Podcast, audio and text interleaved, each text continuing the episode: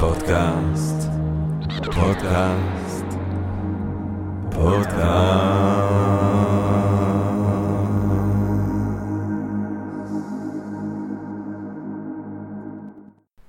טוב, גבירותיי ורבותיי, ברוכות וברוכים הבאים לפודקאסט של Think and Ring Different, פודקאסט למי שאוהב לחשוב ולשתות. אני ג'רמי פוגל, ואנחנו רוצים להודות לנו עצמנו, ליקום, לקיום, לכל מה שטוב וכל מה שמאפשר לנו בעצם ברגעים אלה ממש להמשיך ולקיים את הפודקאסט שלנו אה, למרות הכל ובהתאם לזאת אה, עדיין יש לנו את ההזדמנות גם בתקופה המאתגרת הזאת אה, ליהנות מהרחבת התודעה ושיחות מרתקות שאני אישית מאוד נהנה מהם, מקווה שגם אתם והיום בעצם, היום יש לנו נושא, מה אני אגיד לכם? אני אה, מחכה בכיליון אה, אוזניים לנושא הזה ולשמוע עליו יותר וללמוד עליו יותר. אנחנו היום גבירותיי ורבותיי הולכים לדבר על, על אופנה, על לבוש אה, וכשחשבתי על השיחה שלנו היום אז חשבתי על זה שאחד מהדברים שאני אה, עושה הרבה אה, מול המסך זה לראות סרטי טבע. יש את הדבר הנפלא הזה היום שיש איזשהו שפע של סרטי טבע, אין סוף סרטי טבע. אחד מהדברים אה, שאני חושב אה, נשארו איתי ועם הרבה מהאנשים שראו את ספרי, סרטי הטבע היפים שיוצאים זה הציפורים העדניים האלה של פולינזיה אה, שהם והמחול המורכב הזה והמדהים בצבעים המרהיבים שלהם בניסיון למשוך בת זוג, לרוב זה הזכר שכאילו עושה איזה שואו שלם והוא זז והוא רוקד והוא, והוא מראה את כל הצבעים של היופי שלו. אה, וגם אנחנו בני האדם בדרך שלנו מוסיפים לגוף שלנו דברים שלמים אולי לא רק ובטח האורח שלנו ידע להסביר לי בדיוק במידה המידה שבה אנחנו עדניים והמידה שאנחנו לא כמו הציפורים העדניים האלה.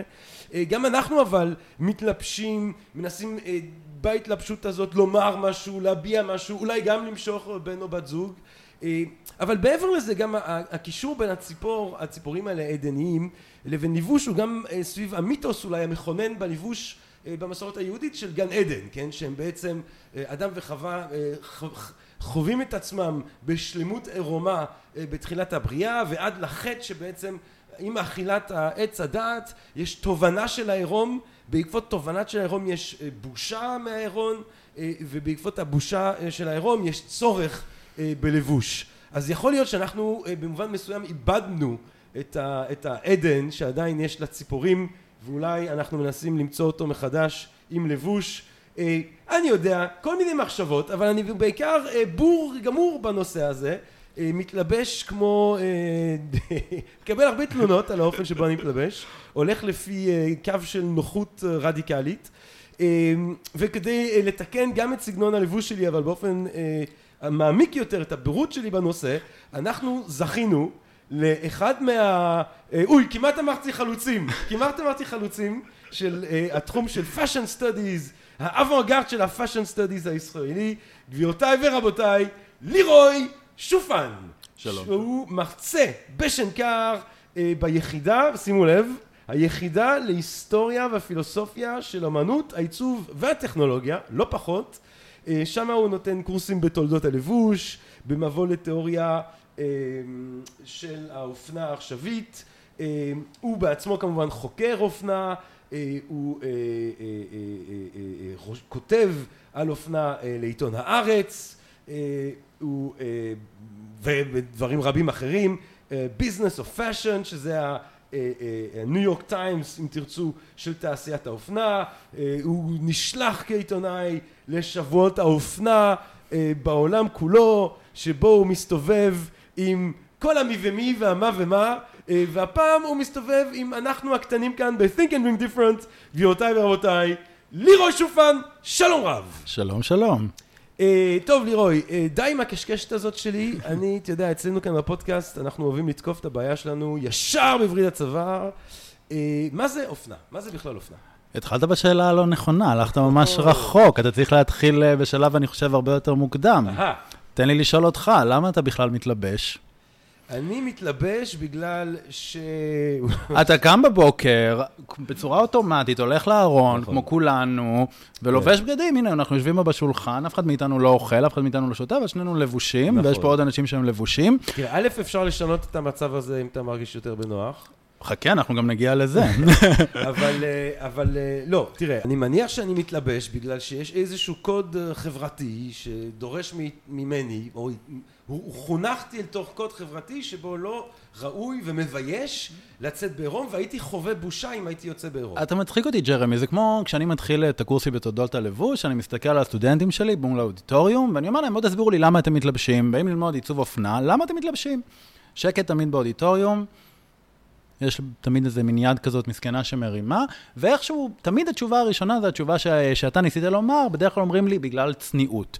אבל מושג הצניעות מגיע בשלב הרבה יותר מאוחר uh, של, uh, של ההיסטוריה, ואני יכול לומר לך שקודם כל, כל התרבויות האנושיות מתלבשות. אוקיי? מהאדם הפרה-היסטורי, תמיד תרבויות אנושיות שמות על עצמן איזשהו משהו. הן משנות משהו בגוף שלהן, הן מוסיפות עליו איזשהו, איזשהו דבר, כלומר שזה איזושהי פרקטיקה מאוד מאוד בסיסית לעצם uh, הקיום האנושי שלנו והאנושי החברתי. אז במובן הזה, השאלה היא למה אנחנו בעצם מתלבשים, אתה אומר בושה, צריך לחשוב על זה, מה שנקרא, בשלבים קצת יותר טוב, אני אגיד קוד חברתי גם. בושה אולי... קוד חברתי, אז אה, כן, אבל עדיין, יש גם איזושהי uh, טענה, אם אני אלך עם זה טיפה uh, יותר קדימה, שגם אם שנינו נשב, נעשה את המבחן שרצית לעשות מקודם, ונשב פה ערומים ונרגיש בנוח, עדיין אתה תהיה לבוש באיזשהו אופן. כי גם אם אנחנו לא יהיה לנו אפילו בגד אחד, הסימנים התרבותיים או החברתיים יראו על הגוף שלנו, השיער שלנו יהיה מסודר כן. באיזושהי דרך מסוימת של גברים לגברים. יהיה את הגרומטים, לפעמים קעקועים, לפעמים אולי איזה שהם סימנים שבטיים אחרים, אנחנו נהיה נימולים או שלא נימולים, אה, הגוף שלנו יהיה אה, אה, הרבה פעמים מעוצב לפי איזושהי קטגוריה. זאת אומרת, גם כשיש איזושהי טענה רדיקלית שאומרת שגם כשאנחנו לגמרי ערומים, אנחנו עדיין מטפלים בגוף באיז, באיזשהו אופן. זאת אומרת, העיסוק שלנו בלעצב את הגוף ולנהל את הגוף עם, עם האופן שבו אנחנו מוסיפים עליו מה שנקרא קישוט או בגד, הוא מתחיל עוד, מה שנקרא עוד...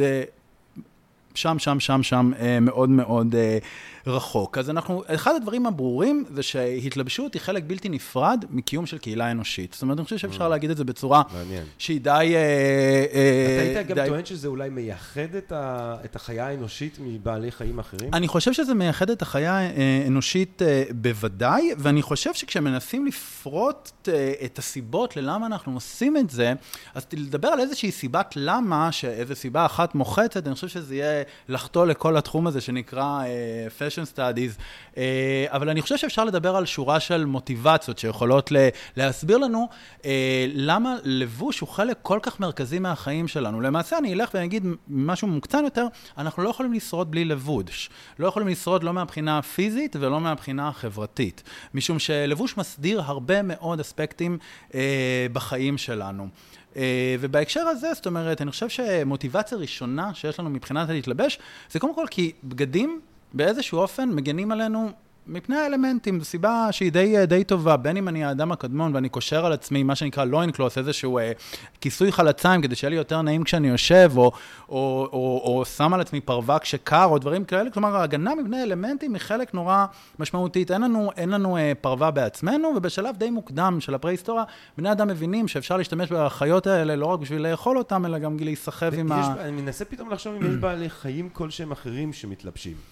אמ, זו שאלה מעניינת בתור מישהו שלא כל כך מתמצא בעולם הזואולוגי. כן. אה, אני לא בטוח שאני הבן אדם הנכון לשאול אותו. אה, אני יודע שזאת אומרת, אני, אה, יכול להיות שהם מתייפייפים באיזשהו אופן, כן. יכולים לשנים את צבעיהם לפי עונות חיזור, זה כן. אני יודע על, על ציפורים מסוימות או חיות כאלה, אה, אבל מבחינת ה, מה שנקרא ה-add-ons כן. אה, על הגוף, אני חושב שזה מייחד את, ה, את, ה, את האנושות. אז אני חושב שהמוטיבציה די דומה, קודם כל זה האלמנטים, כן. אוקיי? להגן על עצמך מפני... במובן הפיזי, הפיזי ו... ביותר. אולי להגן על חלקים מהגוף מפני פציעה מסוימת. או... כן. כן, חיכוך, זאת אומרת, איזה אלמנט כזה ש...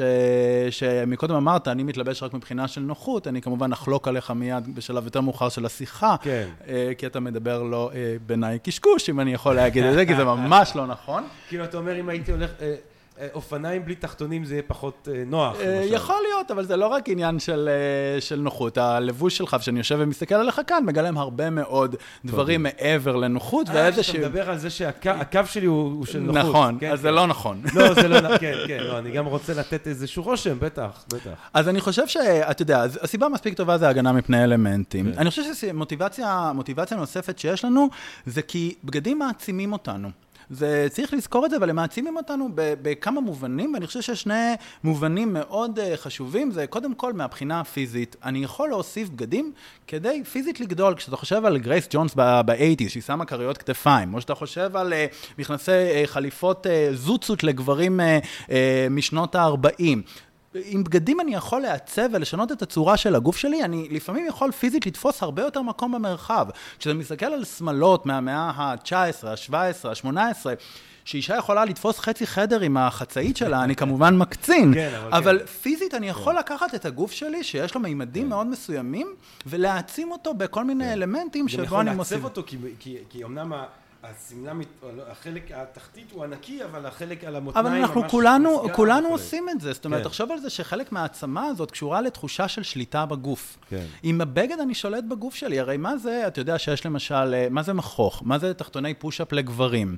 מה זה אה, חזייה מעצבת? מה זה מיליון ואחת אה, אה, בגדים שאנחנו מסתכלים עליהם, תחתוני שנועדו... פושאפ של גברים זה מרים את המאחורה או את הקדימה? יש גם וגם. גם וגם. אתה רואה? זה תלוי למה אתה, איזה למה אפקט אתה. רוצה כן, להשיג. אבל הכוונה היא זה שאני יכול להשתמש בשביל להעצים, קודם כל לשלוט בגוף שלי, כן. לשנות את הצורה שלו, שזה דבר שאני חושב שהוא, שהוא די משמעותי. אבל אני רוצה לומר לך ש... כולנו מאמינים שלבגדים יש, מעצימים אותנו גם אה, מבחינה, אה, מה שנקרא, אה, אפילו שיש להם כוחות קסם. Mm. תחשוב על זה, למה, מה זה, מה זה כשאתה הולך עם, אה, עם אה, תליון חי, או חמסה, Mm. או עם אה, אבן כחולה, או בתרבויות מסוימות רקמה מסוימת על בגד, יכולה להגן עליך מעין רע, יכולה להביא לך מזל ציצית, טוב, ממש או ציצית, בגד זאת אומרת, אה, מקודש. אז הנה, הנה, הנה דוגמה לאיזשהו בגד שמעצים אותך, זאת אומרת, אתה מאמין שבלבישה שלו יהיה לך, אתה ת, ת, תוכל לשפר את מעמדך בעולם. זאת אומרת, ההזדקקות שלך לבגד זה לא רק בגלל שהוא יגן עליי מהגשם, מהקור או מהשמש, אלא גם יכול אה, לשוות, לה, לה, לשוות לי יכולות נוספות. זה כמו שאימא שלי לפעמים הייתה אומרת לי, אה, אה, אם אני אקנה לך חמסה, תלך איתה, גם אם אתה לא מאמין, תלך, מה אכפת לך? זאת אומרת, אני, אתה, אתה צוחק, אבל, אבל אני חושב שכולנו מכירים את, ה, כן. את הדבר הזה. לא, ש... אני צוחק מתוך הזדהות, אני מחייך מתוך הזדהות, בטח. מחייך. אז, אז, אז אני חושב שבמובן הזה בגדים מעצימים אותנו גם מהבחינה הפיזית. בגדים מעצימים אותנו גם מהבחינה אה, הפיזית, שאנחנו יכולים לשנות את הצורה, אנחנו יכולים לגדול, לפעמים אולי אנחנו יכולים לק- לקטון אם, אם, אם יש בזה איזשהו ערך, וגם מהבחינה הקוסמית נקרא לזה, שאנחנו באמת מאמינים שצבעים מסוימים, אני לא יודע, אפילו אני אלך רחוק, אני יודע, אומרים לי על... החוט האדום. החוט האדום, שחקני כדורגל שמאמינים אה, שיש להם איזה גרב שבזכותה הם מנצחים. זה, זה... או התחתונים של מייקל ג'ורדן, אני חושב. למשל, כן, לא יודע, לכל כן. איזה ספורטאי יש איזה, בדרך כלל זה פריט די מסריח שהוא חושב שהוא מגן עליו אה, מהבחינה הזו. אז, אני, אז, אז קודם כל אנחנו מתחילים לפרוס את המוטיבציות של ההתלבשות, אז אנחנו מבינים, אוקיי, יש פה איזה משהו שאנחנו מתמודדים עם משהו רציני.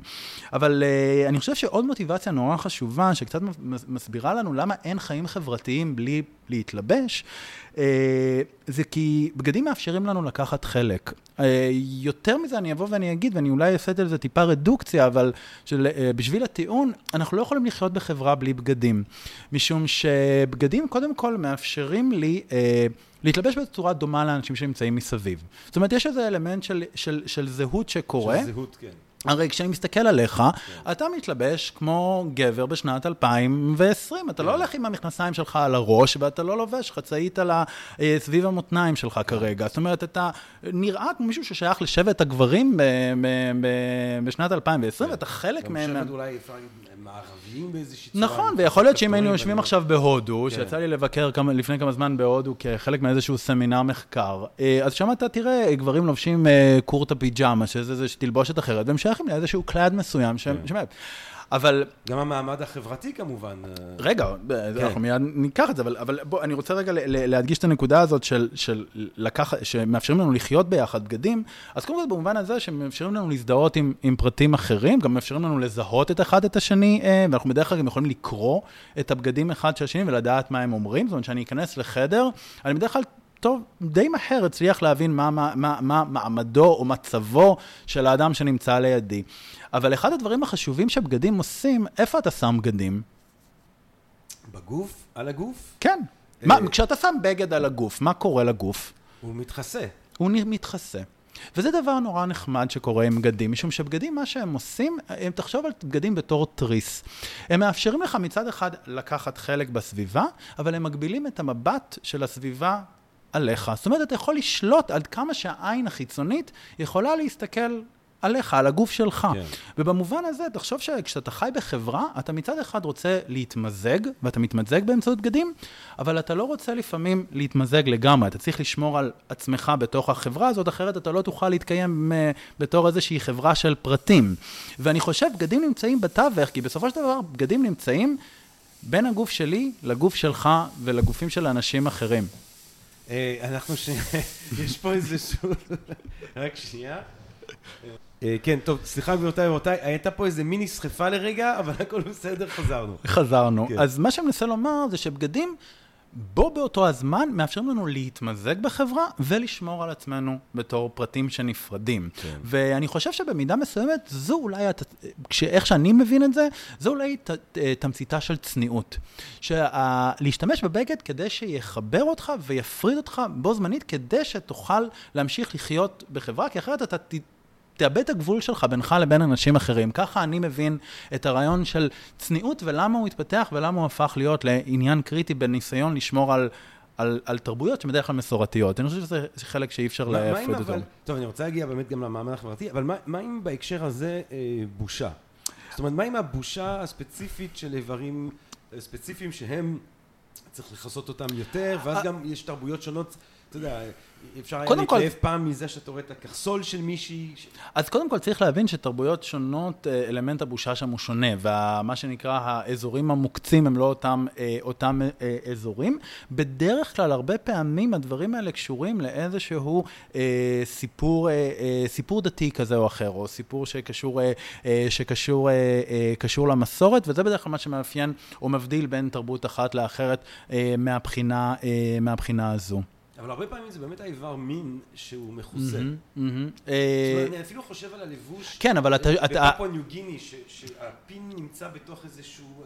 את הדבר הזה שהוא נמצא בתוך איזשהו סוג של שופר כזה? אוקיי. אבל זה דווקא מדגיש את הפין. אתה כן, יודע שבמאה מדגיש אותו, כן. במאה ה-16 למשל, היה אה, כיסוי שנקרא קוד פיס, שלמעשה היה כיסוי לעבר המין הגברי, שהוא היה נראה כמו איזה מין חרוט מקושט, הרבה פעמים אה, משובץ באבנים טובות אה, וזהב, שהיה ככה בולט מקדימה כמו איזשהו חרב. ואני חושב שהמושגים שלנו לפעמים משתנים. אני חושב שבתרבות המערבית, אלמנט המושה הרבה פעמים קשור לשאלת החטא הקדמון. Mm. ומשם אני חושב שהכל מתחיל. כמובן שכל דבר שאני אומר, יש עליו, אה, מה שנקרא, אה, ויכוחים תיאורטיים מפה עד להודעה כן, חדשה, כן. מאיפה זה, מאיפה זה מגיע, אבל אה, כולנו מכירים את הרעיון הזה, שאתה יודע, אם אנחנו חוזרים לשאלה הראשונה שלך, של למה אני בעצם מתלבש, זאת אומרת, אני חושב שאנחנו כל כך... אתה יודע, אנחנו לבושים מהרגע שאנחנו נולד- נולדים ועד הרגע שאנחנו אה, מתים בסופו של דבר. אה, אני חושב שאנחנו לא יכולים לסבול אולי את הרעיון של להיות בלי, בלי בגדים, בלי שום דבר. אה, ככה לפחות אני חושב. ואז דיברנו גם או אה, אה, אה, מעמד חברתי. זאת אומרת. זה עוד דבר שבה, יש את התמונות תמיד, שאפשר גם לצלם אותן היום, אבל יש את התמונות מפורסמות של תחילת המאה ה-20, שאתה רואה ילדים ברחובות לונדון, ויש את הילדים העשירים, מהמם. ולידם ילדים שמבחינת גופם הם אותם ילדים בלונדינים עם זה, ולבושים בלבוש אה, משום ש... עני. אבל זה קשור לחלק מה, מהחיים החברתיים שלנו, ב, ביכולת של בגדים למזג אותנו, הרי שבגדים עובדים כ, כבסופו של דבר כ... כ על אותו רעיון, או הרבה פעמים כרעיון מאוד דומה של מסמן ומסומן. זאת אומרת, בסופו של דבר, הבגדים שלי נועדו לבטא בצורה שהיא לא מילולית את הסטטוס שלי. הרי מה יש לי כאן באצבע? טבעת, טבעת, ומה היא סביר להניח או מעידה? אה, נשואים. בדיוק, זאת אומרת, זה יכול, אה, זאת אומרת, הנה, הנה דרך איך אני יכול לסמן באמ- באמצעים שהם לא מילוליים את הסטטוס שלי. אם אני אלבש מדים, יכול להיות שאתה תבין שאני באיזשהו תפקיד מסוים, אה, וכמו שאתה לובש, לבוש כרגע, אני יכול לומר שאתה אה, אה, גבר, שאתה לבוש כמו כן. גבר. זאת אומרת, יש איזה ניס... רצון לדבר במובן הזה, ותחשוב תחשוב על זה שכשה... אה, זה, זה מאפשר לנו לתת את ההערכה הראשונית במצבים חברתיים, וזה דבר שהוא אה, מאוד חשוב ב- בחברות, דווקא בחברות שהן יחסית, אה, יש בהן פרטים שלא בהכרח מכירים אחד את השני. תחשוב כמה אומלל היית אם אתה היית מסתובב בעולם ואתה לא היית יכול לתת הערכת מצב של מי האנשים שמסתובבים סביבך בכל רגע נתון, והיית צריך לשאול אותם כל הזמן, מי אתה ומי אתה ומי אתה ומי אתה. ויש איזה משהו כזה שאתה הולך ברחוב ואתה אפילו בקטלוג ראשוני, זה שייך לפה, זה שייך לפה, זה שוטר, אני אברח כי אני מסכה. כן. זאת אומרת, שמאפשר לך לשרוד בעולם הזה. מעניין זאת אומרת, מאוד. זה חלק נורא משמעותי. זה מה- מביע את הזהות שלי בכל מיני אופנים. אני חושב, כן, וסטטוס הוא דבר מאוד חשוב, וסטטוס הוא לא רק בשאלה של מעמד כלכלי, למרות שדי בהתחלה אה, רואים שגם בחברות שהן אה, אה, עתיקות, מצרים העתיקה למשל, אה, וגם במקומות אחרים, אה, שמעמדות גבוהים מסמנים את עצמם על ידי שימוש בבגדים, בסוגים אחרים של חומרים שמשמשים לבגדים שלהם, בדרך כלל יותר refined, יותר יקרים, יותר קשים להשגה ודברים מהסוג הזה, אה, ומכאן אנחנו מקבלים את הקשר בין מעמד כלכלי לבין, לבין מה שאתה בוחר ללבוש, או מה מעניין. שאתה יכול ללבוש. מעניין מאוד. אה, אז, אז בעצם מה שאתה אומר לי, אה, לירוי, אם אני מבין אותך נכון, זה שבאמת העניין, הלבוש הוא משהו עמוק, עתיק מאוד בהתפתחות של הזן האנושי, זה אולי אפילו מייחד אותנו באיזושהי צורה. אני לג- לגמרי...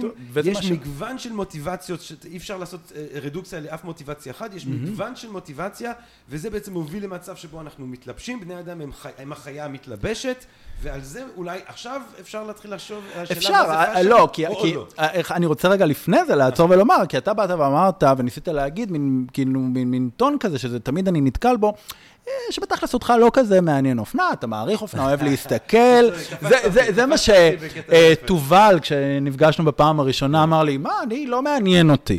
אז קודם כל זה קשקוש מוחלט, כל מי שאומר שזה לא מעניין אותו, כי עובדה שגם האנשים שזה לא מעניין אותם, איכשהו הם תמיד נופלים בטווח ההגיוני של ההתלבשות. צודק, צודק. אוקיי, זאת אומרת, הם מודעים לזה. תובל ספציפית מתלבש מאוד אלפא, כאילו. אני חושב שהוא מתלבש כמו גבר בתקופה שלו, הוא לא נראה כמו גבר מהמאה ה-19, ואני מניח שהוא לא אבל נראה תובל כמו גבר. ואני למשל מתלבשים מאוד אחרת.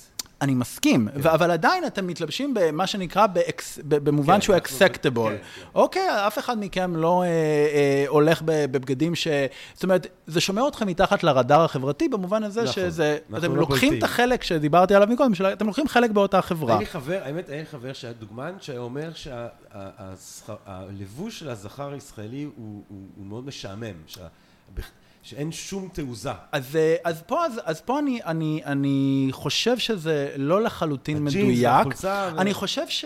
עוד פעם, אה, גברים, ויצא לי לתת איזה הרצאה על זה, על זה לפני כמה זמן, הם קצת באיזשהו אה, תסביך. אה, בערך מה- מהמאה ה-17, אה, שזה פחות או יותר הזמן שהומצאה במרכאות החליפ, חליפת שלושת החלקים הגברית, שגברים נכלאו בה, מה שקרה באיזשהו תהליך שהוא לא רציף, אבל לאט לאט גברים התחילו לאמץ לבוש שהוא יותר...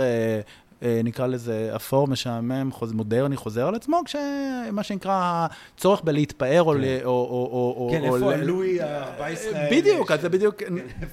כי גברים היו טווסים מאוד גדולים, כן, וכביכול נשים לקחו את, ה, את המקום הזה בערך מהמאה ה-17. מעניין. ועד היום, אני שוב עושה הכללה מאוד דרמטית, כן. אבל לטובת, השיח. אבל, אה, אבל יש איזושהי תפיסה ויש איזשהו...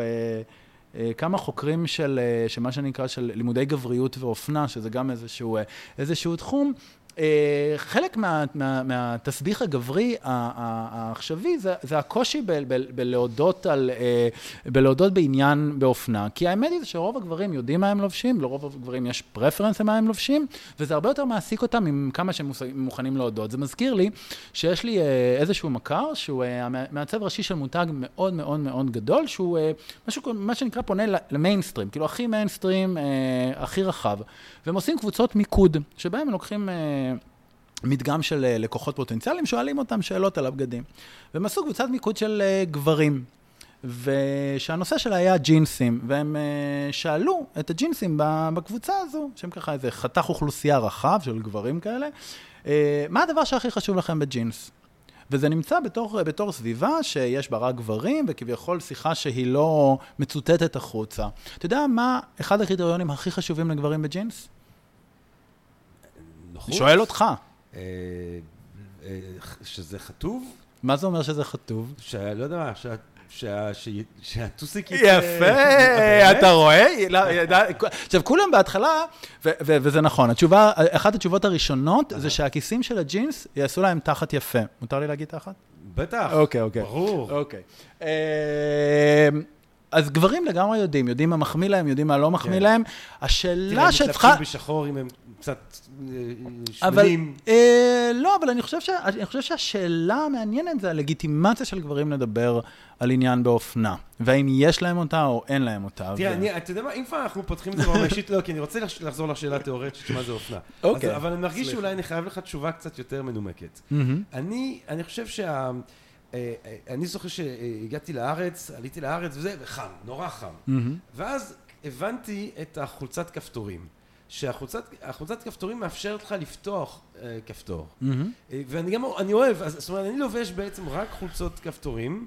אה, אני לא אוהב ג'ינס, כי זה, זה באמת לא נוח לי, אני בן אדם שעיר, וזה כאילו, זה משפשף, זה לא נוח לי.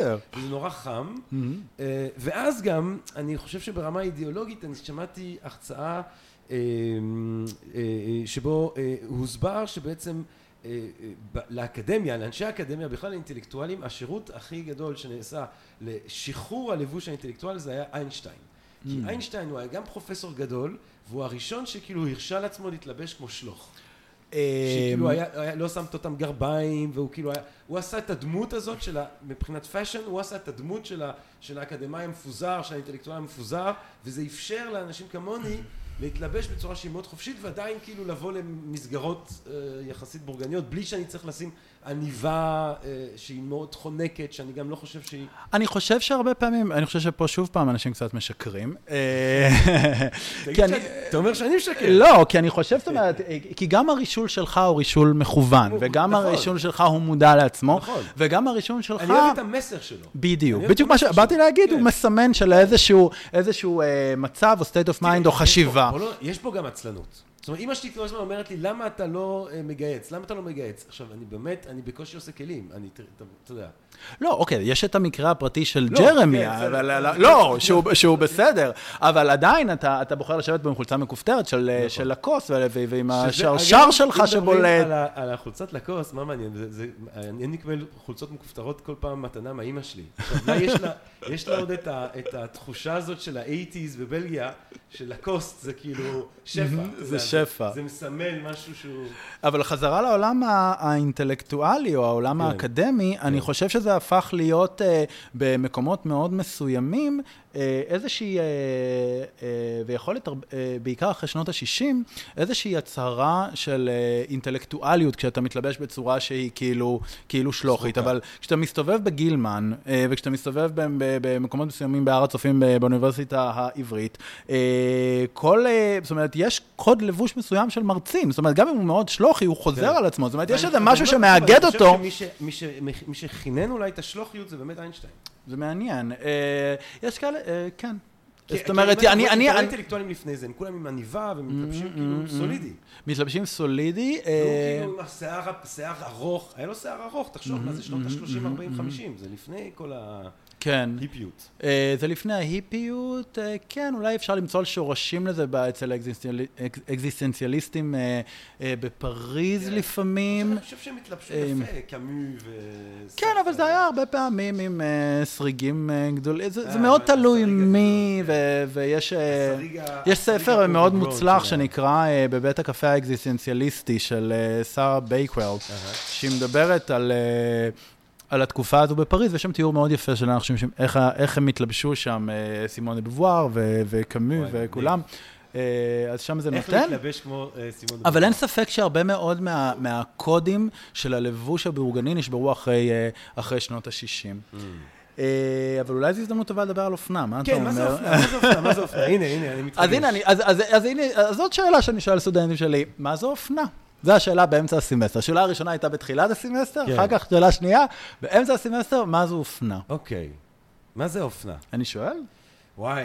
אני, יש לי, יש לי. מושג. לא, משתמשים בזה כל הזמן. אני אוהב, את השיטה זה, שלך, זה. זה נורא, לא, זה נורא מצחיק, כי, כי גם כשאני פונה לסטודנטים שלי, שהם באים להיות מעצבי אופנה, ואני בא, כן. ואומר להם, בואו תסבירו לי, מה, זה אופנה? אה, אופנה זה בגדים? לא, יצא לי לטוס, אה, לטוס, לתת אה, הרצאה בכנס המנהלים של גוצ'י במילאנו. moment of my life. כן. אה, לא, זו הייתה חוויה מרתקת. וגם שם, אתה יושב עם אנשים שזה הפרופשן שלהם, בבית אופנה שעושה, אני יודע מה, חמש אה, מיליארד אירו בשווה חמישה מיליארד אירו. שואל אותם, מה זה אופנה? ותמיד אנשים נתקעים. כן. אז מה זה אופנה? וואי, מה זה אופנה? תראה, הייתי אומר... אוי, אוי, אוי, אוי, אוי, אוי. אנחנו פה עם אה, ליאו, שדעתו על האופנה היא נורא... זה מרגש אותו השאלה הזאת כנראה. הכלב של תובל רוזנבסר. מה זה אופנה? מה זה אופנה? מה זה אופנה? תן לי שנייה לחשוב. מה זה אופנה? אנחנו נדבר על אופנת לבוש, אבל הנה, אולי זה יעזור לך. אה, תחשוב על אה, אופנה אקדמית, תחשוב על אופנה כן. באוכל. אופנה זה תח- קשור ב- לזמן, לזמניות באיזושהי צורה. זה קשור לזמניות, זה נכון? משקף כנראה את השיוך שלי לאיזשהו סוג של נקודה בזמן, בהיסטוריה. אוקיי. אה, אופנה, גם יש תתי אופנה, כי הרי אתה יכול להיות, יש נגיד, אני חושב, בשנות ה-80 באנגליה, אז אני יכול, האופנה של הפאנק. עכשיו, לא כולם התלבשו כמו הפאנק, אז, אז האופנה אולי זה השם, זה שם כולל לכל המוטיבציות האלה יחד באיזושהי צורה, או לחלק מהמוטיבציות, שיוך, זהות. מהמם. אה, שיוך מסר וזה, מסוים. אז, אז קודם כל צריך לומר ששיוך וזהות הם לא בהכרח קשורים, זאת אומרת, גם בחברות שהן לא אופנתיות, ואני עוד מעט ארחיב על זה, יש עניין של שיוך מעניין באמת, יש חברות וזהות. שמתלבשים באותה צורה במשך מאות שנים. אז הנה, אתה, אתה, אתה אומר לי אותה צורה, אתה מדבר על זמן, וזה נכון, אופנה קשורה בזמן, ואופנה מוגדרת מעצם, הרבה פעמים מעצם ההתחלפות שלה. באופנה, כשאנחנו מדברים על אופנת לבוש, היא קשורה גם למימד הזמן, גם למימד הגוף וגם למימד המרחב. למעשה, מה שקורה בסוף ימי הביניים, אה, אוהבים להגיד במאה ה-14, יש כאלה שגידו לך במאה ה-13, חלק במאה ה-12, בסוף ימי... רנסאנס כזה. אה, קצת לפני הרנסאנס. אה, מתחילה להתגבש באירופה איזושהי תודעה חדשה או התנהלות חדשה בקשר לאופן שבו אנשים מתנהלים עם בגדים. ולמעשה אומרים שבסוף ימי הביניים החלה להירקם החברה האופנתית. כלומר, חברה שיש לה איזושהי מודעות אחרת בהתנהלות שלה עם הבגדים שלה. ולמעשה חברה אופנתית, ואנחנו חברה אופנתית עד היום, מבחינת הבגדים שלה, היא עסוקה כל הזמן ואובססיבית עם שאלה אחת. והשאלה הזאת זה, מה נכון ללבוש עכשיו? מה נכון ללבוש עכשיו מבחינת הזמן? מה נכון ללבוש עכשיו מבחינת הגוף? ומה נכון ללבוש עכשיו מבחינת המרחב? זאת אומרת, אחד הדברים המעניינים זה שאופנה היא כל הזמן מתחלפת, ולכן ברגע שסגנונות לבוש מתחלפים, הם הופכים להיות איזשהו סממן של תקופה, ולכן אתה באת ואמרת, שנות ה-80 של הפאנק, או שהזכרת אה, תקופות שהן אה, אחרות. עכשיו, אחד הדברים שקורים עם בגדים, בגלל שהסגנון משתנה, וזה הרעיון של אופנה כשהיא משתנה, זה שאנחנו הופכים להיות לסוג של שעונים אנושיים. אפשר לראות שהתחלופה הר... של סגנונות שנעשית בשביל להחליף את הסגנון, בשביל להתחדש, שזה דבר שהוא קריטי אה, לאופנה, קורית ברגע שאנשים מתחילים להשתמש בצורה הרבה יותר... אה, נוכחת בשעונים מכניים, או בכלל, בגדים הם סוג של שעון. הם מראים לך מה זה שמלת ערב, שמלת יום, מה זה שמלה של שנות ה-60 לעומת שמלה של שנות uh, ה-40, או חליפה של uh, 2020 לעומת חליפה לפני 100 אולי- שנה. אז אולי, אתה יודע מה, פתאום אני... זה גילום של, תן לי של הזמן. איזה תיאוריה, עכשיו אולי בעקבות מה שאתה אומר, אני מרגיש שאולי אני יכול לענות על תשובה יותר מעמיקה.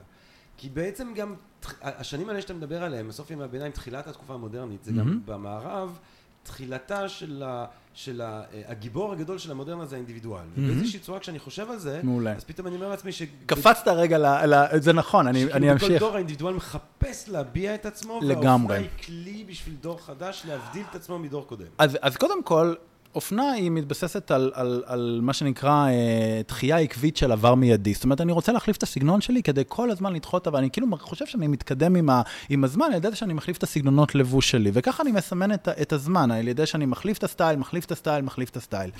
אבל כמו שאמרתי, השאלה מה נכון ללבוש עכשיו, פיזית לזמן הזה, מה שנכון ללבוש עכשיו זה לא מה שהיה נכון ללבוש לפני אה, כמה זמן, אה, קשורה גם לגוף, והיא קשורה לשאלת האינדיבידואל, משום שבגד אופנתי, או בגד שהוא fashioned, כמו שאנחנו אומרים, הוא בגד שהוא מלווה את הגוף בצורה תלת-ממדית, זאת אומרת, זה, זה חלק מה, מהולדה של בגד שהוא מחויט, שהוא מלווה את הגוף בצורה שהיא מאוד uh, מדויקת. ועכשיו, מה שהבגד הזה עושה, הוא מאפשר לי לבטא את הגוף שלי בצורה הרבה יותר טובה.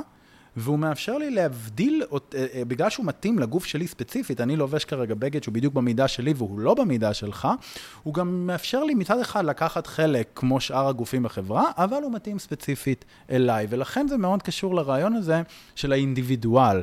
כי אחד הדברים המדהימים באופנה, זה שמצד אחד אופנה היא סגנון רווח, אוקיי? כולם מתלבשים, בסוג... במרכאות, כולם מתלבשים בסגנון מסוים בתקופה מסוימת, אבל כל אחד רוצה לעשות את זה טיפה אחרת. זאת אומרת, יש פה איזשהו מתח בין מצד אחד שכולנו נתלבש כמו כולם, אבל בכל זאת אנחנו, כל אחד יהיה לו את השינויים הקטנים, את ההתאמות שלו לגוף שלו. כדי שזה יישאר שלו. זאת אומרת, אנחנו תמיד משחקים על, ה, על קו התפר הזה של בין, ה, בין של כולם לבין שלי עם, אה, עם אופנה. עכשיו, אחד הדברים הנוספים שאנחנו רואים עם, עם ההולדת של החברה האופנתית, שמקדשת התחדשות מתמדת, כל הזמן להחליף את הסגנון, כל הזמן שהסגנון יתאים לגוף שלי. אה, זה שהיא מאוד מושפעת משאלת המרחב.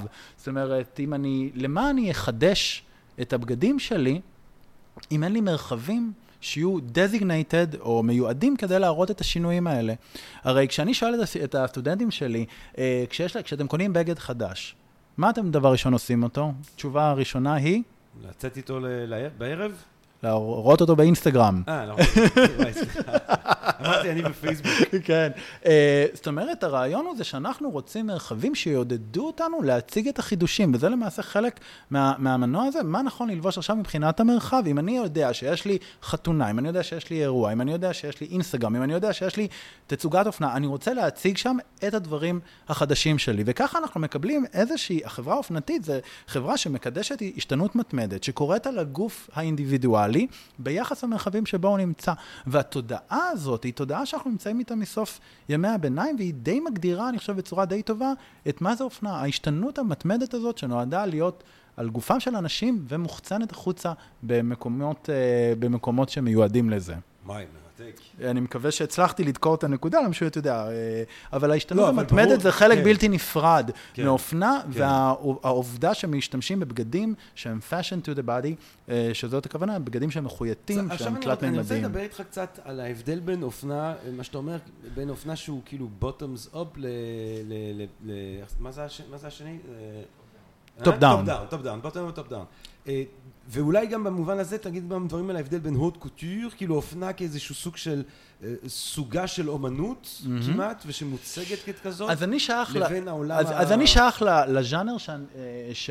שלא רואה באופנה אה, אומנות, כלומר ארט. אני לא רואה באופנה אה, אומנות, משום שבעיניי, בניגוד לציור שהוא תלוי על הקיר ונועד שנסתכל עליו, אופנה, אנחנו צריכים לעשות איתה משהו, אנחנו צריכים לשאת אותה על הגוף, היא חייבת שיהיה בה איזשהו מימד כזה, אחרת, זאת אומרת, סתם לתלות שמלה על הקיר. אבל הרי חלק ממה שמאפיין, נגיד, את, את כל ה... ואתה יודע, פי אתה יודע, פי 200 יותר ממני, כל, כל, כל השבוע אופנה וז'אן פול בוטייה, אז בוא, רגע, בוא, אז... אף אחד לא לובש את זה. זה, זה, זה הבעה, זה דמיון, זה צבעים. לא, יש לפחות דוגמנית אחת שלובשת את זה. כן. אז עם כן. כל הכבוד, אה, זאת אומרת, אני לא אומר שאי אפשר להציג את זה בהקשרים אחרים, אבל בדרך כלל יש לפחות גוף אחד שיישא את העיצוב הזה קונספטואלי ככל שהוא יהיה. אם אי אפשר ללבוש את זה, אם אני אציג שמלה, נניח שהיא תפורה בכל החלקים שלה, ופיזית אי אפשר להיכנס אליה, זה כבר הופכת להיות שאלה פילוסופית האם זו שמלה.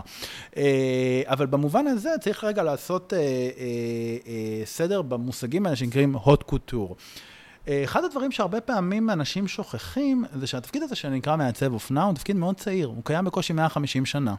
זאת אומרת... מי היה מעצב לפני זה למלכת אנגליה או למלך צרפת? יפה, אז אני יכול לומר לך שההתגבשות של הפונקציה הזאת, שנקראת מעצב האופנה, קורית במהלך המאה ה-19 בצורה שהיא אה, ניכרת ונבדלת. ואז אני שואל אותך, מה עשו אנשים לפני שהיה מעצב אופנה? חזרנו לשיטה. היה חייט. בדיוק. עכשיו, מה העניין, ואיך היית עובד עם חייט? נניח אתה רוצה עכשיו חליפה חדשה. אז אתה, מה, אתה היית מגדיר לו? כאילו לו, כל הלואים הצרפתיים, הם באים ואומרים, אני רוצה את זה ואני רוצה את זה ואני רוצה... אז קודם כל, לצורך העניין, נניח, נניח... תראה איזה בד הגיע מהודו, תראה איזה זה, תראה איזה פה, ואני יודע מה. כן, אבל גם אם בד הגיע מהודו, עדיין, אה, מה שנקרא, אה, אם אני אגיד את זה, חייט, אה, אפשר לראות אותו, הוא סוג של נותן שירותים. זאת אומרת, כיוון הסמכות הוא הפוך. לצורך העניין, כשאתה נניח אה, היית רוצה אה, חליפה, אז היית צריך ללכת לחנות הבדים, לקנות שם את הבד, חנות הסדקית, לקנות את הכפתורים, וללכת לחייט שיכול להיות שתתייעץ איתו, אבל בסופו של דבר הוא עושה את החליפה. שלך ובשבילך, וזו הסיבה אגב שבמקומות מסוימים לפעמים יש את האינישלס שלך בתוך החליפה, משום שהיא שלך, היא לא שייכת לאף אחד כן. אחר. במאה ה-19 מתחיל להתגבש uh, הרעיון הזה של uh, מעצב האופנה, שמדובר למעשה בסוג של, לא אוהבו שאני אגיד את זה, אבל הרבה פעמים איזשהו מידלמן שנכנס בין הלקוח לבין מי שמייצר בפועל את, ה, את הבגדים, והוא הופך להיות לדיקטטור של uh, סגנון. הוא למעשה, אתה הולך אליו כדי שהוא יגיד לך מה אתה בעצם צריך ללבוש. עכשיו, אחד הרעיונות הוא זה, ש... אחד העניינים הוא זה שמעצב האופנה הוא לא זה, הוא לא הרוקמת והוא לא התופר, הוא זה שאחראי לרעיון.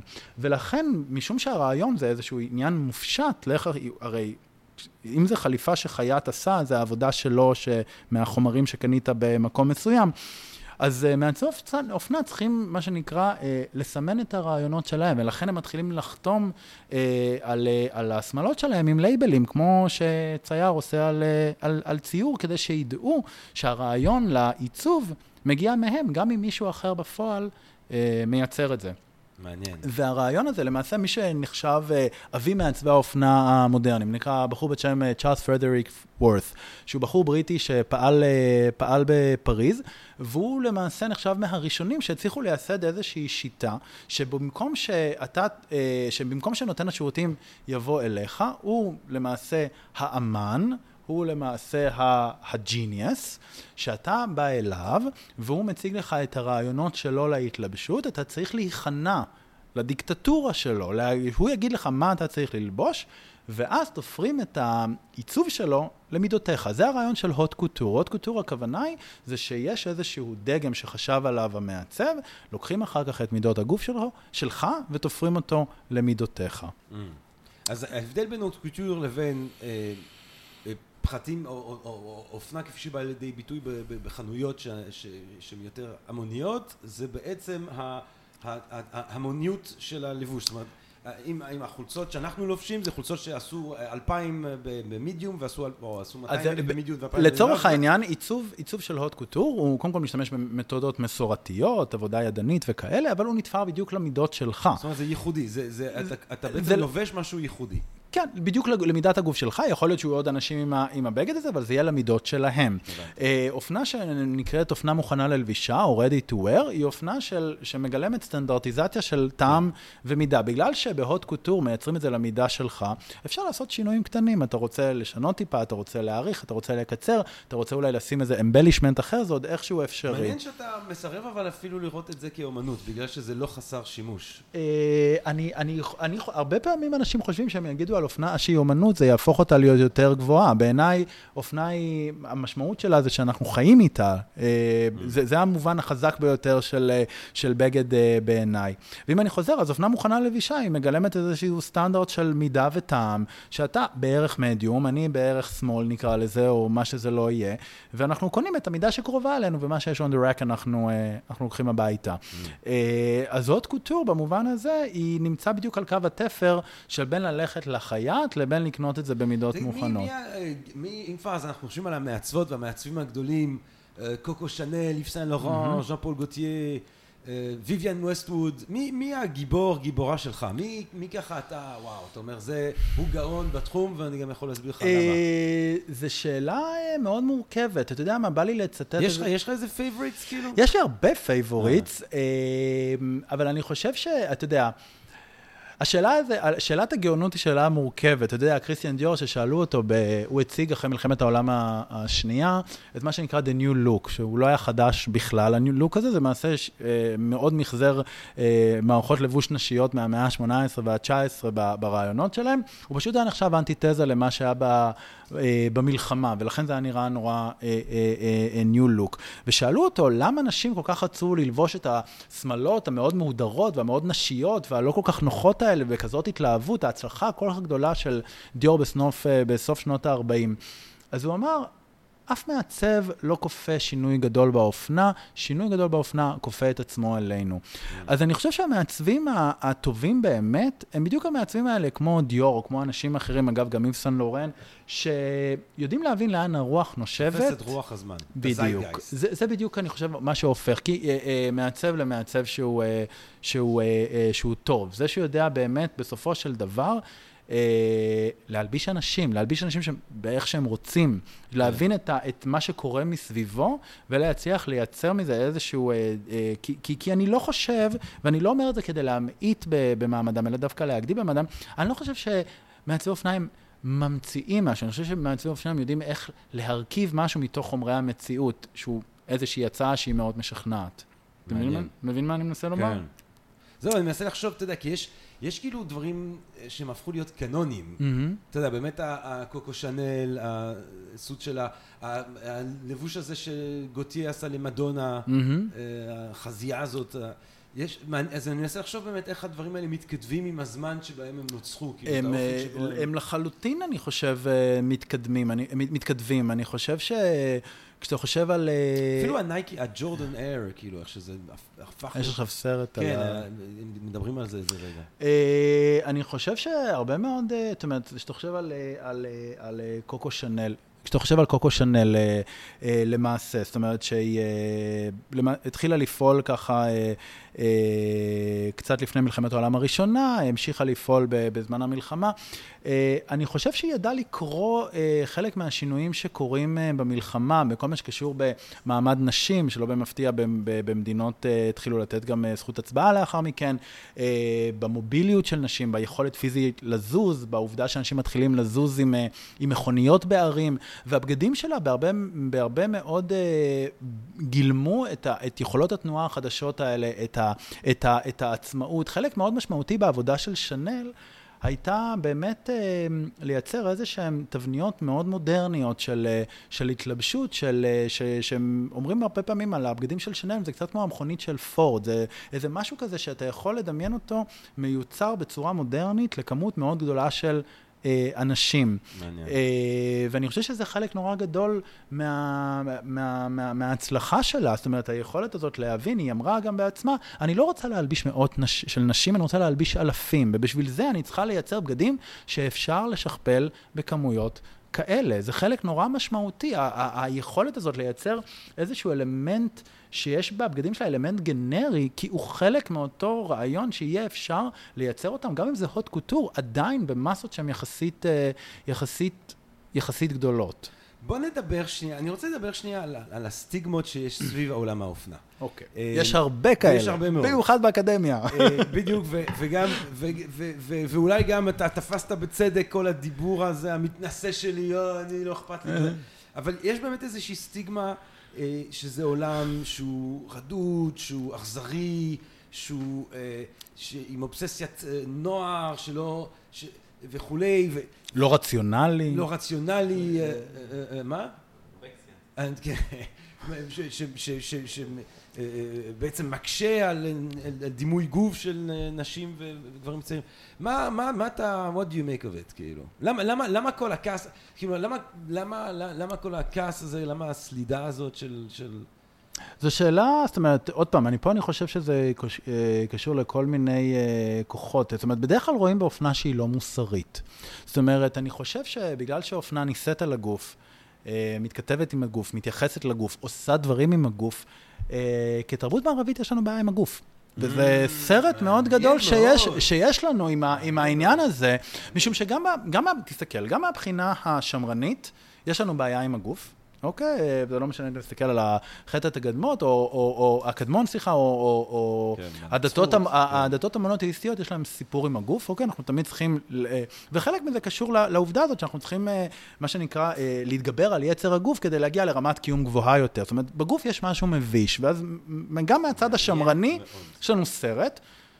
מצד שני, גם מהכיוון האינטלקטואלי או, ה, או הליברלי, יש לנו סף, סרט אחר, משום שאנחנו רוצים לדבר על, ה, על, ה, על, ה, על, ה, על, ה, על רעיונות שחיים לנצח, ולא על הגוף שעומד למות. אנחנו בתור... בתור אה, אה, אה, זה עוד המסורת האפלטונית. לא, אז, אז, אז אתה מבין, זאת אומרת, אני חושב שבמידה מסוימת, להכיר בחשיבותה של אופנה, זה להכיר ב, בגוף. ו, ו. ו, ואנחנו נצטרך להתמודד עם העובדה הזאת שהגוף שלנו אפס, לא חי לנצח. אתה יודע למי הייתה הבחנה מדהימה על הדבר הזה? נו. אה, אה, לוולטר אה, אה, בנימין. Mm. אה, בפרויקט הפסאז'ים שלו, שעכשיו תורגם אה, לעברית נכון החלק מאוד. השלישי, יש כמה חלקים על אופנה, יש לו הבחנות מדהימות על אופנה, אה, ושם יש פה איזה קטע שאני אישית מאוד מאוד אוהב. שהוא מצליח להסביר, אני חושב בצורה מדהימה, למה בתור תרבות אופנה מעוררת בנו גם, אנחנו לא יכולים לא לחיות איתה, עובדה שכולנו אנשים אופנתיים, ומצד שני מעוררת בנו דחייה. משום שאחד הדברים שאופנה עושה עם ההתחדשות הזאת, שהיא כל הזמן מתחדשת ומתחדשת ומתחדשת ומתחדשת, אנחנו הרבה פעמים מאמינים שאם אנחנו נקנה או נלבש סגנון חדש, אנחנו נתחדש יחד איתה. ונתחדש עוד פעם, ונתחדש עוד פעם, ונת... היא משכיחה מאיתנו את uh, עובדת המוות. Mm. אנחנו נורא מאמינים לה, לאופנה הזאת, אבל uh, באיזשהו מקום, הוא אומר שם שאופנה היא מנהלת איזושהי מין, מין מערכת יחסים כזאת, נורא, נורא סרקסטית עם, עם המוות, היא מהתלת בו, אני מתחדשת, אני מתחדשת, אני מתחדשת, כשהגוף שלך הולך ומה שנקרא... אה, הולך, הולך ומת, ואני חושב שהיא אפילו לועגת לנו באיזשהו מובן, משום שהיא מתחדש, מתחדשת עם דברים מתים, ואנחנו, אה, מה שנקרא, הגוף שלנו, אתה יודע לאן הוא הולך. אה, לאבדון. לאבדון. אה, אז במובן הזה, אני חושב שאנחנו נורא רוצים להאמין בהתחדשות הזאת. שתפיח בנו חיים חדשים. אבל, אבל באמת יש איזושהי אובססיית נוער בעולם של האופנה. נעורים? נעורים, כן. אז אני חושב שזה, שזה בעיקר קורה אה, באופן מאוד מובהק אה, בשנות השיש, משנות ה-60. אני חושב שלפני שנות ה-60, אה, אנשים צעירים ואנשים מבוגרים התלבשו די דומה. בשלב, בשלבים אפילו מוקדמים יותר של ההיסטוריה, אתה ממש רואה שהילדים מתלבשים כמו מבוגרים קטנים כאלה. Mm. הרעיון הזה שיש איזשהו פיצול יחסית רדיקלי בין איך שצעירים מתלבשים לאיך שמבוגרים מתלבשים, קורה פחות או יותר אה, כשתרבות הנעורים מתחילה לאמץ לעצמה איזה שהן אה, התנהלויות אחרות, או איזושהי mm. לוגיקה אחרת. אתה יכול לראות את זה נורא טוב, אתה זוכר את, אה, את הסרט חלון אחורי של אלפרד היצ'קוק? כן. שבו אתה רואה את גרייס קלי, אה, סרט נהדר, וגרייס קלי, שלובשת שם חליפות, חלקן של דיור, נראית אישה, ליידי מהוגנת וזה, היא בת 24. והיא נראית שם כמו דודה בת 50, סביר להניח שהאישה הזאת נראית כמו אימא שלה. וזה בדיוק העניין, שלפני שנות ה-60, אה, אישה אופנתית התלבשה כאילו הרבה פעמים כמו שגם נשים מבוגרות יותר אה, אה, התלבשו. אני חושב שהפיצול התרבותי הזה קורה, שלהיות צעיר הוא נחשב. אה, קורה אולי בשלב טיפה יותר, יותר מאוחר. אני, אתה יודע, אמרתי לך עוד לפני השידור, שבזמן האחרון אחד מהאנשים שאני נורא אוהב זה החבר שלנו, אנדרו ליאון טלי, שהוא ככה איש uh, larger than life, ענק. כתב אופנה וחשוב בווג שנים רבות, אפרו-אמריקאי מאוד דומיננטי, דומיננטי ולובש בהן טוגות צבעוניות ענקיות שאם היה לי את אולי את האומץ ואת הגבורה שיש לאיש הזה ככה אני הייתי מסתובב עם טוגות ענקיות כמו איזה סוג של, של מלך כמו איזה סוג של אה, אבל זה באמת, אה, לא רק הוא, זה עולם שכן מושך אליו את כל המי ומי, כן? Mm-hmm. את, ה, את השורה הראשונה הזאת של, ה, של שבועות האופנה. או שהעולם הזה הוא אה, מגלם אותם, זאת אומרת, יכול להיות שחלק מאוד משמעותי זה לכונן את, ה, את המעמד שלך, או את היכולת שלך באמצעות מה שאתה לובש. טוב, אבל תן לנו, בוא, תרד לעם שנייה עם התיאוריות שלך והדיבור, ה... תן לנו קצת רכילויות ודברים שראית וחווית. במסעותיך בעולם ה... בעולם העסיסי הזה של האופנה? אה, עולם עסיסי? אני, אה, זאת אומרת, אני, אה, זו שאלה מעניינת. זאת אומרת, יצא לי להיות בלא מעט תצוגות, תצוגות כן. אופנה. בעיקר בפריז, יצא לי להיות, זאת אומרת, בתצוגות של שנל, בתצוגות של דיור, של לואי ויטון. איך מרגיש, איך, מה, מה ה-vibe שם? איך מה... יצא לי לשבת מאחורי אנה ווינטור, יצא לי לשבת מאחורי קניה ווסט, יצא לי ללכת להגיד שלום לאלבר אלבאז, כשהייתי צריך להזיז את קים קרדשן ולא לא זיהיתי אותה בכלל. אמ, אז זה אולי הדבר הכי ג'וסי שיצא לי, אה, לי לעשות. תראה, צריך להבין שהיום... איך את מאיך לשבת מאחורה?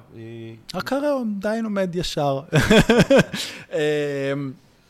אני יכול, יכול לומר שצריך לזכור ש, שהיום, ובעיקר משנות ה-80 ועד היום, אה, כשאופנה, כש-fashion brands הופכים להיות מתעשיות לוקאליות אירופאיות ל-power house אה, אה, גלובליים, מדובר באירועים שהם, קודם כל שנשפכים עליהם כמויות אדירות של, של כסף, והם אה, הופכים להיות לאיזשהו, אה, לאיזשהו show שהמטרה שלו למשוך את תשומת הלב אה, של, אה, של הקהל הרחב, שבעשור וחצי הראשונות, האחרונים, סליחה, אה, יש לו בפעם הראשונה את ה access הזה לראות מה קורה בתצוגות אופנה. זאת אומרת, לפני אה, שנות 2000, מי היה יכול לראות מה קורה בתצוגה? רק העיתונאים והקניינים, או מי שהיה מוזמן. זאת אומרת, כמה מאות אולי לתצוגה שהיא גדולה.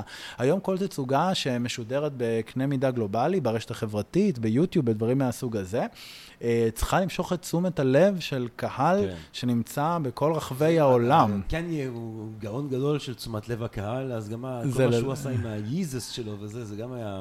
כן, אה, אם אני, אם אני הבנתי נכון, אפילו יש איזה collaboration שאמור להיות לו עם גאפ אה, או, או כן. בקרוב. כן, טוב, מדובר באמן מיתוג, אני חושב. כן, כן, אני יודע מה הוא עושה. טוב, זה, בין, בין זה שהוא ירוץ לנשיאות עכשיו, שזה יכול להיות דווקא טוויסט מפתיע ומעניין בעלילה. בעיקר ירוץ אה, אמ. כן. אמ, בוא נדבר, אני רוצה, אז זהו, אנחנו לאט לאט, אה, לצערי, כבר מתקרבים לסיום, אבל אני רוצה לדבר קצת על, על אופנה ישראלית, אה, ש, שאיפשהו גם, אמרתי, אמרתי, צחקנו על המונח חלוץ וחלוציות, אבל במובן של, של אופנה ישראלית, זה, זה כן מאוד מעניין. במיוחד עכשיו שהיה את כל הדיון על, ה, על, ה, על האורך או ה, mm-hmm. של, ה, של המכנסיים הקצרים של נשים או של תלמידות mm-hmm. בארץ, כל הסיפורים הדי נוראים האלה שאנחנו שומעים, אה, ואז חזרו לתמונות האלה של האישה הישראלית הציונית החלוצה והחלוציות, הכובע טמבל, המכנסיים הקצרים, הסנדלים, שבאים בעצם, שהביעו את המהפכה הזאת הציונית והיציאה מהעולם הישן mm-hmm. לעולם משוחרר, לעולם ש, שגם הביעו את הערכים בעצם המכוננים של ה... ציונות של אז, עבודת האדמה וכולי. מה, מה, מה מאפיין את ה... את ה כן, יש פה את, ה, את המחנה ריכוז ליתושים של תובל רוזנבסר מ-Think and Read Different. חסר הרחמים האיש הזה.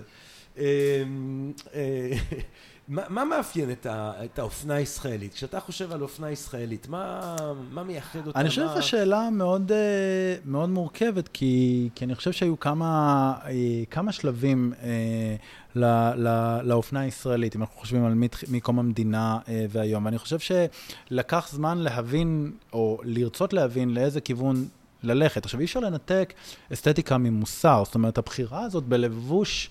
אה, חלוצי, אה, נגיד בסמוך לקום המדינה, היא, היא הייתה הרבה פעמים איזושהי שאלה מוסרית של אה, ככה צריך להיראות חלוץ ש, ש, ש, שבא לעבוד את, את האדמה או לתרום. ואחד הדברים שאחת המורות שלי, דוקטור ענת הלמן, שלמדתי אצלה, של ספר נהדר על לבוש בסמוך לקום המדינה, היא ממש מצליחה להצביע שם על הפיצול הזה בין הלבוש, ההתגבשות של לבוש חלוצי. ארצי, לבין הלבוש המהוגן שניסו uh, באליטה התל אביבית הרבה פעמים. היו פה תצוגות אופנה במלונות, היו פה uh, נשים עם מעילי פרווה, היה פה סצנת פרוונים משגשגת כן, מאוד. זאת אומרת, היה ממש... אלנבי האגדי. כן, כן, היה ממש שני מעגלים של, שהייתה בהם הרבה פעמים גם איזושהי יריבות בין לרצון להישמר על איזשהו לבוש יותר אלגנטי, יותר מהוגן, מאוד אירופאי מבחינת מה שהוא מביא אותו, לבין איזושהי אנטיתזה אה, חלוצית. והרבה פעמים ה- ה- ה- הלבוש החלוצי הזה היה, לפחות בעיניהם של אנשים מסוימים, היה נראה מוסרית נכון יותר, אה, ו- ויש הרבה מאוד סיפורים אגב, נג, אה, למשל בחברה הקיבוצית. שכולם, אה, זאת אומרת, מדברים על איזשהו לבוש משוחרר, אה, זה הרבה פעמים איזשהו טרור של סגנון, זאת אומרת, בוא תשמע מה קורה למישהו או מישהי שלא מוכנים להתלבש כן. כמו, שה, כמו שאמור ללבוש, בק... להתלבש בקיבוץ. כן, יש כל מיני כן. סיפורים כאלה על מישהי שרצתה ללבוש שמלה אדומה, או מישהו שרצה להתלבש אה, אה, אחרת. זאת אומרת, זה, זה שוב פעם הרעיון הזה של לאיזה שבט אתה שייך, מה השבט הזה עושה, אה, מהו המעמד שלך, זאת אומרת, זה תמיד חוזר לאותם, לאותם השאלות. אני חושב ש... כחלק מאותם, מתהליכי גלובליזציה שהולכים ונהיים אה, נוכחים יותר משנות ה-70 והלאה, אז אנחנו רואים איזה שהן השפעות זרות אה, הרבה יותר אינטנסיביות על מה שקורה פה, אה, גם כניסה של מותגים זרים, גם רצון... אה, של מותגים ישראלים לצאת לעולם. זאת אומרת, אני חושב שבאיזשהו מקום, אה, תמיד כשמנסים לדבר, לדבר על סגנון ישראלי, זוהי תשובה מאוד אה, מורכבת. כי האם אתה רוצה לדבר על לבוש עדתי, האם אתה רוצה לדבר על סגנון... זהו, יש... בוא, נצ... אתה יודע מה, בוא נחשוב על הדור היום. Mm-hmm. אני הייתי שואל אותך ככה, האם, האם אתה רואה, מה מייח... האם יש עוד משהו שמייחד צעיר או צעירה ישראלית מלבוש אמריקאי, האם, האם, אתה, האם עוד השאלה הדתית אצל הצעירים, האם אתה רואה את זה עוד בלבוש? מה, מה, איך אתה, תן לנו קצת קודים, דברים שאתה רואה כשאתה רואה... אז אני, אני, אני חושב שבעקבות... אה, אני חושב שבעקבות אה, אה, מה שנקרא הרשת, זאת אומרת, בגלל העידן ההיפר-גלובלי, שזה העידן של הרשת החברתית, של טיסות לואו-קוסט, זאת אומרת, אני חושב שההתערבבויות... כן, זצ"ל על הטיסות לואו-קוסט. כן, לא, אבל, אבל לצורך כן. העניין, איזושהי התערבבות תרבותית מאוד, באינטנסיביות מאוד מאוד אה, גבוהה. וכשאני אה, מסתכל על איך שחברים שלי מתלבשים, איך שסטודנטים שלי מתלבשים, איך שאנשים ברחוב מתלבשים, וכשאתה נוסע למקומות אחרים, לבוא ולהגיד שאתה רואה שההבדלים בין מקום למקום, אני, אני בתחושה שלי הולכים ו, וטיפה נעלמים. אחד הדברים המעניינים שקורים זה שאתה רואה ניסיונות במקומות אחרים לאמץ אה, סממנים אה, אה, שנחשבים אה, מיוחדים או אקזוטיים ממקום אחר. למשל, יש אה, מותג ישראלי בשם אדיש. שכמעט ולא נמכר בארץ, אבל נמכר בכל הבוטיקים היוקרתיים באירופה. והוא למשל משלה, עושה סוואטשרטים מרקמות פלסטיניות, או דוגמאות בדואיות, או, או דברים מהסוג הזה, וזה נמכר בתור סטריטוור מאוד יקר ומאוד נחשק במקומות אחרים בעולם.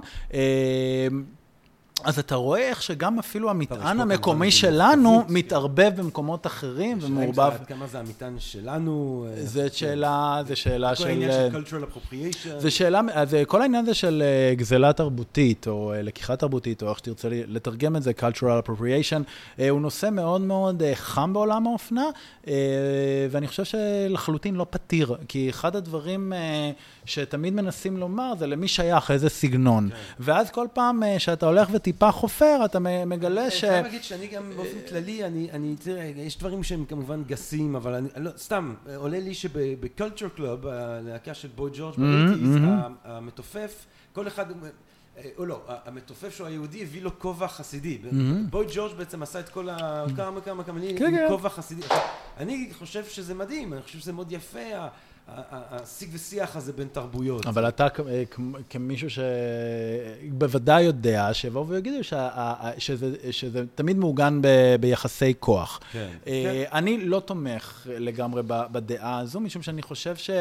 אני חושב שהסגנון הוא ויראלי, ואני חושב שהוא מפעפע אה, לא בקווים ישרים כמו שהיינו כן. רוצים כן. לדעת, והוא משנה צורה ומה שנקרא contaminate אה, במקומות אה, שלא תמיד אפשר לצפות, והוא לא תמיד זז באמת לפי אה, מארג יחסי הכוח מהחלש לחזק, יש גם אה, תהליכים, אה, תהליכים שלחלוטין לת, לחלוטין הפוכים. זה, זה מערכת יחסים מאוד מורכבת, אני חושב שזה מאוד פשטני לבוא ולומר שתמיד החזקים לוקחים סגנון מסוים והדברים לא מתערבבים. מתעסקים ב-לבלים כאלה ואחרים. אני כשהייתי אה, נער באנטוורפן והיינו הנוער הציוני והיה איזה אתוס ציוני, אז מה שהיה מגניב זה ללכת עם סנדלים. עכשיו בגלל שנורא קר אתה הולך עם סנדלים וגרביים. אבל זה היה מגניב, זה היה מראה שאתה ככה משוייך לזה. ואז כשהגעתי לארץ בגאון הולך לבית ספר עם הסנדלים והגרביים. אה, פתאום זה היה נורא לא מגניב. אז קודם כל, תקרא... אבל אז המשכתי ללכת איתם, כי אמרתי, לא, זה יהיה, כן. אז קודם כל תקרא את הספר סנדלים של פרופסור תמר אלאור, אה, נכון. שהיא המנחה שלי. אה, אישה אה, נהדרת ומנחה מצוינת, ולמעשה היא יכולה לספר לך הרבה מאוד על התגלגלות הסנדל הזה והקשר שלו למקום. ולמה לסיום, אתה מרגיש חזק אליו? בוא לסיום, נהפוך עליך את השולחנות. לירוי, אני, אז אתה לובש לנו היום פולו. Mm-hmm. יש לך את ה... זה אני אוהב, שזה ככה, איך קוראים לזה? הצווארון. הצווארון, הצווארון למעלה. אה, יש לך אה, אה, פה שני... ומה זה, יהלומים קטנים באוזניים יפים. מה, מה, אני, אני תוהה, עם כל הידע התיאורטי הזה שיש לך על הנושא הזה, וכל הבקיאות, ויש לך, כן, אה, נו, מה, ברח לי השם, איך קוראים לזה? צמיד. מת על הצמיג שלך. הצמיד מתוניס. אה, של אה, כאילו? קרובת אה, משפחה שלי, זיכרונה לברכה, והוא כן, צמיג ממש, ממש, למי שלצערכם, כעלינו הקדוש, אתם לא זוכים לראות את הצמיג המאוד יפה הזה, משהו קצת רומא כזה. אמ, תגיד, מה, איך אתה, כשאתה הולך לקנות, איך אתה יכול, אה, אתה יודע, לא לשהות בחנויות שעות ולחשוב את כל התיאוריות האלה שמתנגשות לך בראש, כאילו עד כמה זה מורכב בשבילך עם כל הידע הזה שלך וההבנה התיאורטית וה-3 dimensional chess שלך את הלבוש, mm-hmm. פשוט להתלבש. זו שאלה מעניינת, אף פעם, אף פעם לא שאלו אותי. אתה יושב, אתה מנתח, אתה אומר, מה לירוי, מה אני רוצה בדיוק להביע היום, איך אתה, מה קורה כשאתה מתלבש? אני חושב ש... זה... אני חושב ש... במובן הישיר ביותר, אני חושב שזה הרבה פעמים מתחיל בשאלת הרגש, מה, מה זה גורם לי להרגיש, ואני חושב שזה, אני חושב שלכל אחד יש איזשהו חיבור, שהוא הרבה פעמים רגשי ל... לבגד, מה, מה, מה שהוא גורם לי אה, להרגיש, ולכן אני בוחר אה, אה, ללבוש אותו, ואז נכנסים אה, קריטריונים אה, נוספים של אה, הרבה פעמים לאן אני רוצה ללבוש את זה, ובאיזה הקשרים, זאת אומרת, אה, צריך אה, נגיד לחשוב על זה שזה יכול אה, להיות קשור אה, לפרופשן שלי, זה יכול להיות אה, שאני רוצה להיראות אה, אטרקטיבי, זה יכול אה, להיות... אה, בהרבה מאוד פרמטרים. אה, ש... אני מאוד מאוד אה, חושב על מה שאני לובש, אני מאוד מתכנן את מה שאני לובש. אה, הכל אצלי בארון מאורגן בצורה מאוד מאוד מתודית. כמה אה, זוגות נעליים יש לך? אה, אני יכול להגיד לך מה האוסף שלי, אה, מה הם האוסף, מה הדבר ש... יש אוספים. האוסף שלי זה מעילים, זו האובססיה. אה, באמת? כן, יש לי... דווקא מעילים. מעילים, מיד שנייה, משווקים, כאילו, מה זה? כן. כמה מעילים אתה כבר יכול ללבוש ב... אתה לא רוצה לשאול כמה מעילים יש, יש הרבה, אבל הם כולם הגיעו ממעצבים, מתצוגות אופנה שנשארו, מדברים כאלה. יש לי איזושהי אובססיה לא פתורה עם מעילים. אה, תבוא לארון, אני תבוא אליי לארון, לארונות, ואני אראה לך, המעילים זה האובססיה. ואתה יודע מה, יאללה, באמת, אני לא יכול להפסיק, אבל לסיום, לסיום, אני אשחרר אותך. אה, מה, אם אתה צריך לקחת on top of your head, mm-hmm. לאנשים שזה הפעם הראשונה שהם שומעים כל כך לעומק על הנושא הזה של אופנה, אלה אנשים שאומרים לעצמם, אתה יודע מה, אני רוצה אה, להתנער מהגישה הלכאורה קולית הזאת שלא אכפת לי. אני רוצה להתחיל לשים לב, אני רוצה להתחיל קצת לעצב את עצמי בצורה קצת יותר מתוחכמת, בצורה קצת יותר נכונה. האם יש, האם בכלל, האם אתה צריך כל מקרה לגופו, אה, תחתי משמע, או האם יש איזה שהם עקרונות שאתה יכול לשתף אותם אה, ולהגיד, תקשיבו, אם אתם רוצים להתחיל קצת להרים את הלבוש שלכם, תחשבו על א', ב', ג'. אני חושב שזה, אה, שזה מתחיל קודם כל, זה יישמע נורא בנאלי, אבל אני פשוט באמת חושב שזה, שקודם כל להכיר את, את, את הגוף שלך, ומה אתה רוצה לעשות בעצם עם, עם הגוף שלך. כי אני חושב שזה א', ב' של להשתמש בבגדים קודם כל. ואני חושב שמהנקודה שמה, הזו זה הופך להיות, אה, אה, זה מתחיל לענות על השאלה, ואני חושב... שאחר כך השאלה הנוספת תהיה, מה, מה, מה היית רוצה שהבגדים יעשו בשבילך? לאן אתה רוצה שהם ייקחו אותך? ו... ואני חושב שכשמסמנים את המטרה הזו באופק, אז אפשר לבחור בצורה הרבה יותר מושכלת אה, מה אתה בעצם רוצה אה, ללבוש. ואולי העצה הכי טובה שתהיה לי, זה פשוט להגיד לאנשים שזה בסדר לאהוב אה, בגדים, כי אם התחלנו את השיחה הזאת, זה, אנחנו לא באמת יכולים לחיות בלעדיהם. אז כשנותנים להם את הכבוד הראוי, הכל עובד, אה, הכל עובד יופי. צריך ל- ל- ל- לזכור שאנחנו לא יכולים לשרוד בלעדיהם. אמיתי לגמרי. אמן. טוב, גבירותיי ורבותיי, זה היה הפודקאסט עם לירוי שופן. תודה רבה לך, לירוי. תודה רבה. אני לפחות אה, מרגיש שאני למדתי הרבה, יש לי הרבה על מה לחשוב. יש לי הרבה על מה אה, אולי אה, לזרוק ולבחור מחדש כשאני חוזר לסוג של ארון שיש אצלי שם בברית הכחולה. אה, בדירה שלי. אני מודה לך מאוד, אה, ואני מודה מאוד לכם, אה, הקהל הקדוש שלנו כאן ב-Think and Ring Different, אני מקווה שמאוד נהניתם מהפודקאסט הזה, מהפודקאסטים שהקלטנו, מאלה שבעזרת השם נמשיך להקליד. מה אני אגיד לכם? כל טוב, שלום, שלווה ואהבה רבה, רק בריאות, ונשתמע. פודקאסט, פודקאסט, פודקאסט